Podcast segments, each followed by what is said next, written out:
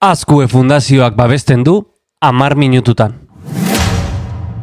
Kaixo entzule, aurreko saioan ondoko galdera honen inguruan aritu ginen. Zein jarduera digital egin ditzakete ikasleek ikasi dutena erakusteko? Hau da, nola frogatu dezakete ikasleek zer ikasi duten?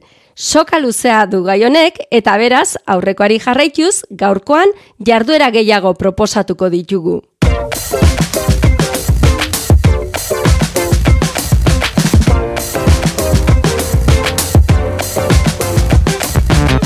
Maite goni naiz, eta hau amar minututan da, hezkuntza eta teknologia, hau da, teknopedagogia, uztartzen dituen podcasta.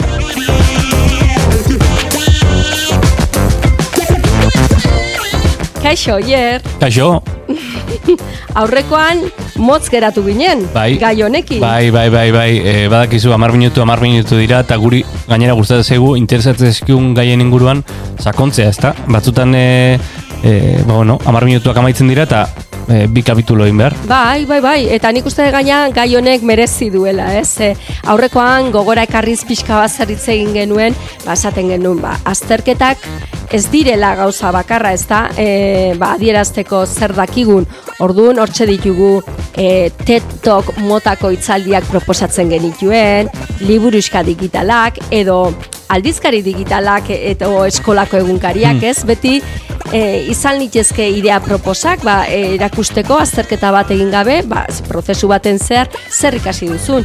Oso interesgarria da, e, ni- nik oso e, interesa handiz jarraitu nuen horreko e, azalpena, eta eta tira, e, barnebiltze ditulako hainbat kontu, ez? Batetik ari gara tresnak erakusten, baina e, ondoan dagoen eztabaida da ebaluaketaren ingurukoa, ez da? Hori da, oier, ze azkenean evaluazioa zitze egiten ari gera, ez? Ez tresneien inguruan, ba, evaluazioa oso oso garrantzitsua da, eta gaur egun metodologikoki, ba, metodologia aktiboagoak erabiltzen ari bagara, ba, mm, evaluazioa ere horren baitan edo izan beharko luke e, horren baitakoa.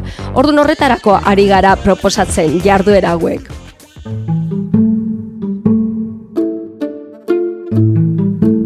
Ikasleek beren eh, jakintza ikasi dutena erakusteko jarduera eta e, bueno, ariketen inguruan ari gara eta aurrekoan aipatu genituen hainbat e, tira gaurkoan gehiago aipatuko ditugu maite. Bai, adibidez, e, interesgarria izan liteke, eskadiezaiekegu ikasi duten hori, ba, denbora lerro batera ekartzea.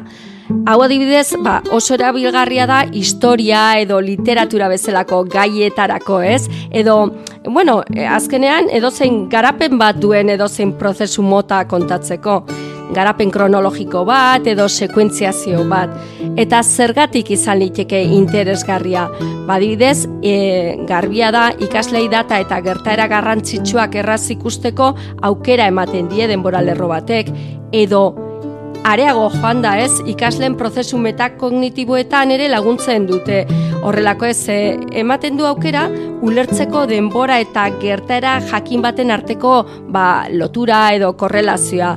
Orduan, e, gainera kontuan euki behar da, gaur egun e, denbora lerroek edo tresna digitalek ematen dute aukera ez bakarrik datu bat ipintzekoa, baizik agian edo toki bat, ez? E, gerrate ezberdinei buruzari bagara ematen digudu aukera bai pintzeko denbora lerrorren puntu batean irudi bat edo bideo bat edo azalpen areagoko azalpen bat edo gure audio bat orduan ba, oso aberatsa gera liteke jarduera hori eta tresna digitalen inguruan ba, horri hori aurrera eramateko ba, beti esaten duguna e, mordo bat daude adibidez bat tikitoki izan liteke, edo geniali eta kanba hainbatetan aipatu ditugun tresnak eh, infografiak egiteko eta bar, ematen dituzte txantilloiak ba, denbora lerroak ere egin ahal izateko.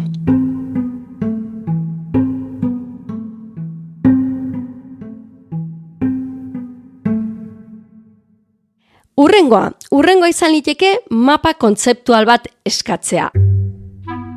Hau askotan egiten da, ez? Ba, ikasleek klasean ba, irakatsitako gaiak ulertu dituzten jakiteko modu errazenetako bat izan liteke. Ba, funtsezko edukia jaso behar dituzte, egituratu behar dituzte, eta gero, ba, elkarren arteko relazioak bilatu, eta ba, ordun prozesua ere, ba, nahiko interesgarria izan liteke.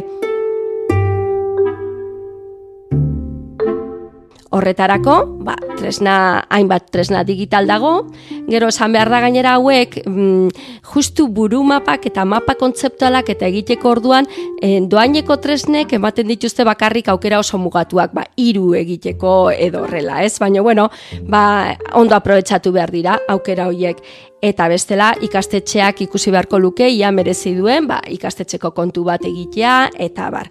Ba, e, e, kaso horretan badauzkagu hainbat tresna digital hori egiteko eta bat izan liteke ba, buble.us buble.us e, mindomo oso ezaguna da baita edo poplet bezalako tresnak ditugu.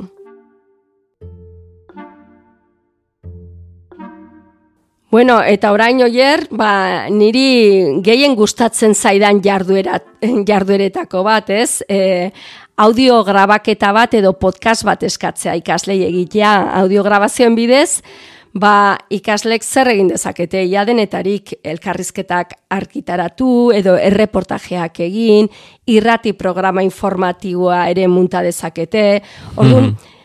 E, gainera, e, jarduera ba igual puntual bat izan ordez, e, izan liteke ikasturte osoko e, plan, e, proiektu bat, ez? Agian, ba, e, imaginatu proiektu bat lantzen ari garela ikaslekin, ba, eta proiektuak irauten duen bitartean, edo ba, iru hilabete oso batean, ba, egiten dituzten ikerketen berri eman dezakete, begiratzen duten informazioa, Imaginatu gaiari buruzko elkarrizketak pertsonekin tartekatu, beraien gogoetak zer ikasten ari diren prozesuan zehar, zer atera zaien ondota zer gaizki, horrelako kontuak, ba, nire ustez, podcast batean jasota, ba, beraiek e, ba, prozesu oso aberatsa eraman dezakete, ez? E, adibidez, e, azkar esaten da podcast bat grabatzea, baino ederki dakigu oier podcast bat grabatzeak zer eskatzen duen zelan adan, ez? Gidoi bat egin behar da. Ideiak ondo egituratu behar dira, ez? Eta zer esango den, ba, planifikatu, pentsatu ondo, eta gero, noski, grabazio hori probatu egin behar da, horrek ere, komunikazio gaitasuna indartzen du, audioak gero grabatu egin behar dira, hau da, garbi dago e, eskatzen dutela lanketa ba, e, importante bat, ez? Dudari gabe, dudari gabe, e, ba, audiogintza oso interesgarria da, ze, ze eskatzen du beste e, sormen bat ere bai, irudirik e, erabili ezin duzulako, eta bide batez ematen duelako aukera mm, norberak irudikatzeko, ez? Entzuten, entzuten duguna. E, tira, esan ezagun, eskola irratiak bezala dela, ezta? E, hori da, bai, justu e, hori neuken, ez? E, esateko zeagian batzuk eskola garaian eta hori egin dituzu irrati saioak eta horrela eskola askotan egoten ziren, bintzat e, nire ikastolan, jakintza ikastolan, e, bazegoen irrati bat oso, oso e, zoragarria gainera, ez? Baina, bueno, kontua da, en desberdintasuna izan litekela eskoletako irratiak ba, e, aspalditik egonda ere ba, emisioek e, tokiko irismena izaten zuten. Eta podcastek aldiz ba, ondo dakigun bezala entzuleria globala dute eta edozein pertsonak ba, planetako edozein tokitatik ez, ba, arpidetu, mhm automatikoki deskargatu ditzake, jas, eh, jakinarazpena jaso, eta atal berri bat eh, argitzaratzen da bakoitzeko, adibidez, ez, bueno, ondo dakigu, zer, zeri buruz hitz egiten ari garen. Banik, gomendatuko nuke jarduera hori irutzen zaidalako oso aberazgarria ikaste irakaste prozesu baten barnean. Eta horretarako ere, badakigu tresna desente ditugula bata eta guk erabiltzen duguna batzuetan ba, gure grabazioak egiteko adibidez, ba, hau da fiti izan liteke ez, tresna librea, erabiltzeko erraza, ordenagailuan eta instalatu liteke, jeitsi ondoren, eta horixe izan liteke bat e, erabiltzeko modukoak, eta gero ja daude, baia zabaltzeko plataformak, eta eta guk egiten duguna, ba, plataforma ezberdinetan ipini eta zabaldu.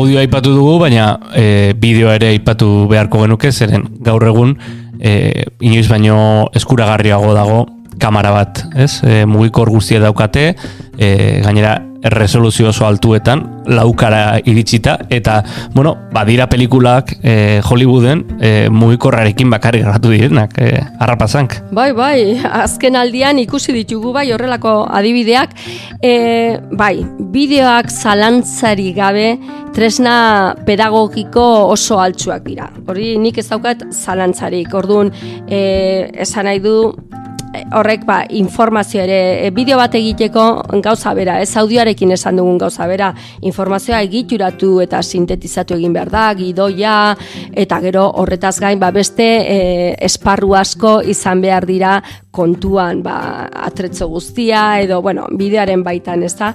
Baina, e, gaina, horretaz gain, ba, e, oso baliagarriak dira ikusentzunezko alfabetizazioa garatzeko, ikasleen, ikasle gara dezaten eta gaitasun digitala, ez? Beti esaten duguna. Orduan, e, kontuan euki behar deuna da, ze bideo mota edo aukeran eman, edo proposatu, ez? E, e, az gaitezke, ba, nork bere burua grabatuta, mm, zuk esan dezuna, e, mugikorrarekin, YouTube errantzeko bideoak eginez, baino errezeta bat prestatzen, edo laborategiko e, esperimentu bat azal, horren azalpena ematen, edo eskola bat ematen, ez? Ba, imaginatu e, ikaslea jarri akademia bat izango balute bezala eta e, ba, txikiagoko edo nola emango lieken klase, ez? Horrek ba, erantzukizun bat eskatzen du beraien aldetik eta ni ziur nago ederki prestatuko luketela. Gero, mugikorrarekin e, grabatzeko aukera asko daude gero editatzeko ba adibidez tresnetara jeitsiz e, biba bideo bezalako e, aplikazioak edo kinemaster inshot zuk e, erabiltzen duzu bakarren bat oier Bueno, nik e, e, edizio profesionaleko programa dauzkat eta gainera oso daude doakoak, eh? E, da Vinci Resolve adibidez. Da Vinci Resolve e, e, aldatzen joan da hasieran e, dirutza bat balio zuen eta gero politika aldaketa egin zuten eta orain adibidez edonork eskuratu dezake sarean doan e, berzio bat oso muga gutxirekin. E, bai, ba, probatu behar, bai, bai, bai, oso muga gutxi eta eta gainera esango nuke erabilterraza dela. Eta da Hollywoodeko e, estudioetan erabiltzen duten, e, orain gehien erabiltzen den e, edizio programa.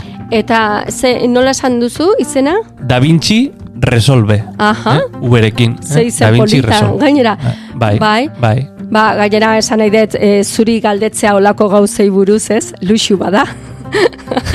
horri buruz, ni egon beharko nuke ikasle gisa, ez? Baina, bueno. Ez, ez, bitu, eh, hortaz galdetuta, e, Da Vinci Resolve bezalako e, programa doan eukitzea, e, e, gero egia da, e, ordainpeko bat dagoela, e, ba, gain, bueno, ordainketa bakarrarekin erosten dena, uh -huh. ba, irureun bat edo euro ba, balio dituena, eta eta horrek ja plugin batzuk egartzen ditu, eta bar, baina, baina egia da, e, doakoak ere ba oso muga gutxi dituela eta edo nork egin dezak e, edo nork egin dezakela labur metraia bat e, edo zein montaia e, ba, ba bueno herramienta profesional horrekin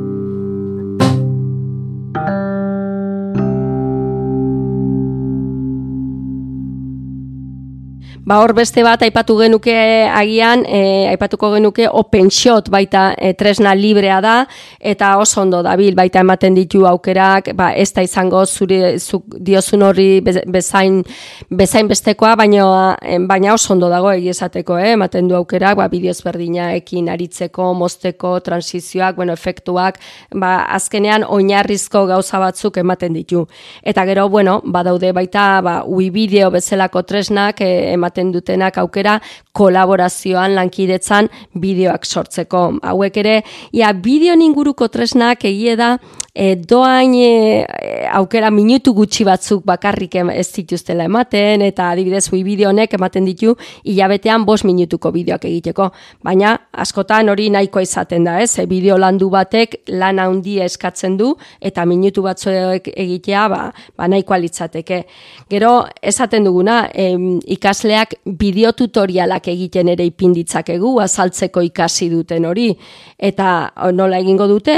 Ba, imaginatu pantailan e, nahi dutena biztaratzen dute, e, beraiek egin duten lan bat, edo web horri batera joanez eta azalpenak emanez edo, eta horretarako beharko lukete, baina beste tresna mota ezberdin batez, screencastak egiteko, e, edo pantailan gertatzen dana grabatzeko programa bat.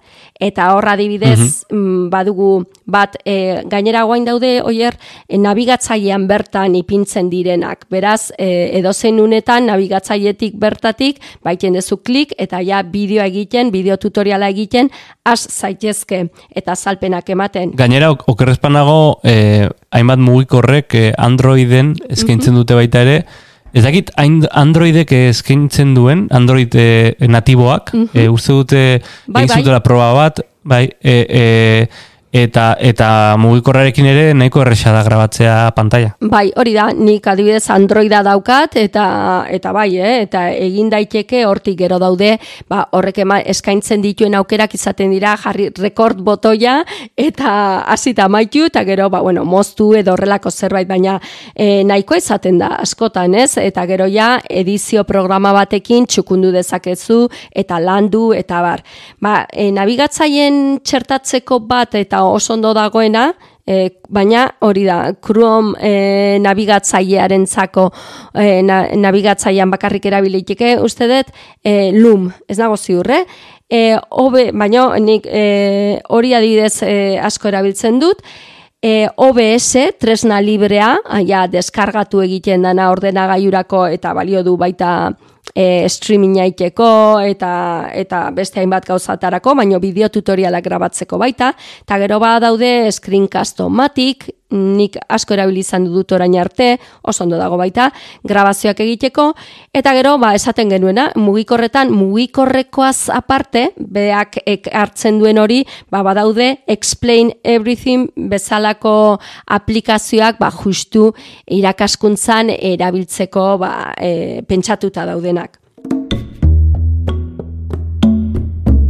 Eta hor ere, ba, eh, bueno, oso, oso aukera politia ere izan liteke, animatzen balin bagara areasiagoa joatera, ba, animazioak egitea edo bideo animatuak eta horretarako ba, poutun erabildezakegu edo badauk, badakizu nola bideoiek eskutxoa saltzen direnak eta horrelakoak. Ba, hoiek ere, ba, mufli, mofli e, horrekin egin litezke, eh? eta gauza bera, bueno, badaude gehiago, baina ez dugu mareatu nahi tresnen izenekin. Maite, maite, e, e, esan berri dizun, honek ematen digula beste hiru programarako, eh? Esango nuke, osea, gauzatxo bat beste gabe esango dut bukatzeko bideoekin, eta, bueno, gauza gehiago neuzken prestatuta, baina hor utzi beharko deu, laugarren demoraldirako ere zerbait utzi beharko deu, ez?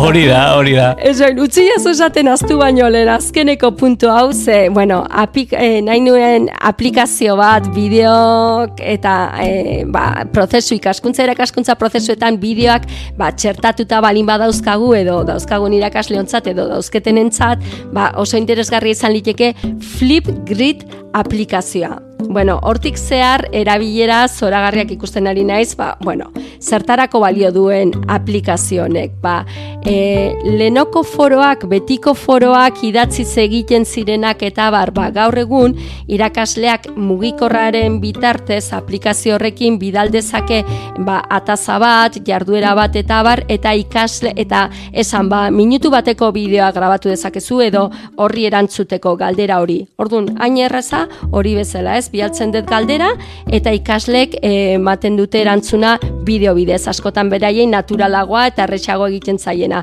Orduan, foro antzeko zerbait, baino bideo bidezkoa eta inungo montajeri gabekoa, baizik dena aplikazioan bertan egiten dana. Eta gero ematen du aukera, ba ez bakarrik galdera bat e, idatziz botatzekoa, baizik irakasleak grabatu dezake galdera bideoan, edo igo dezake bideo landu bat, bideo tutorial bat, edo mm, dokumentu bat, edo jarduera bat. Ordun dena gertatzen da, plataforma horren barruan, ez? Eta aplikazioa doainekoa da, eta e, Twitterren adibidez, ba, ni jarraitzen dituan, irakasle asko, kanpokoak eta barba, erabiltzen ari dira desente.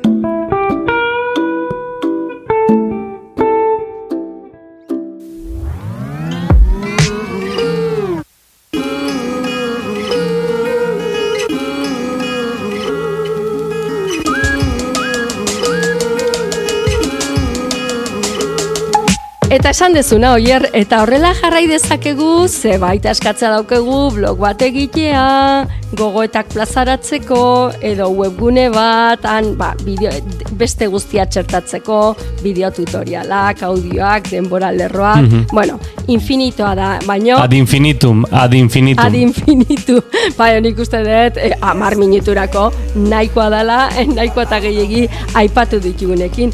Eta horrela bukatzen dugu, oier, irugarren demoraldia. Ze ondo, aizu, ze, ze e, saio politak egin ditugun, ez da, ni oso gustora nago, eta gauza da esango dizut, pila bat ikasi dut, e, amar minututan entzun eta editatzen. Jo, e, niretzat plazeri bat izan da, bueno, eta espero dut jarraitza izaten, noski zurekin grabatzea, zezuk ematen diazu puntu askotan, eta asko zer errezago ateratzen zait, azaldu nahi dudan hori, bazu hor ba, hor zaude, ez da, eta gero, klaro, edizio lan horien musikita sartzen diazuna, eta hori, bueno, zoragarria, bai, benetan esaten dizut, oier, osea, asko, asko guztain zait, eta orduan, entzulei esango diegu, ba, e, saio guztiak hortxe geratu direla, e, dauzkagu amabi denboraldi bakoitzeko, eta hortxe geratu dira denak, zuzeun daude, e, zuzeu agerkari digitalean, eta baita, bueno, horren atala den zuzeu podcasten, ez, ikus ditzakete denak. Hori da, eta audio plataforma guztietan, hor daude entzungai, eta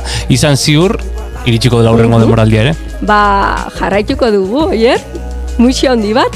Hori da, bezarka da handi bat maite, aio aio. Hanga gerarte.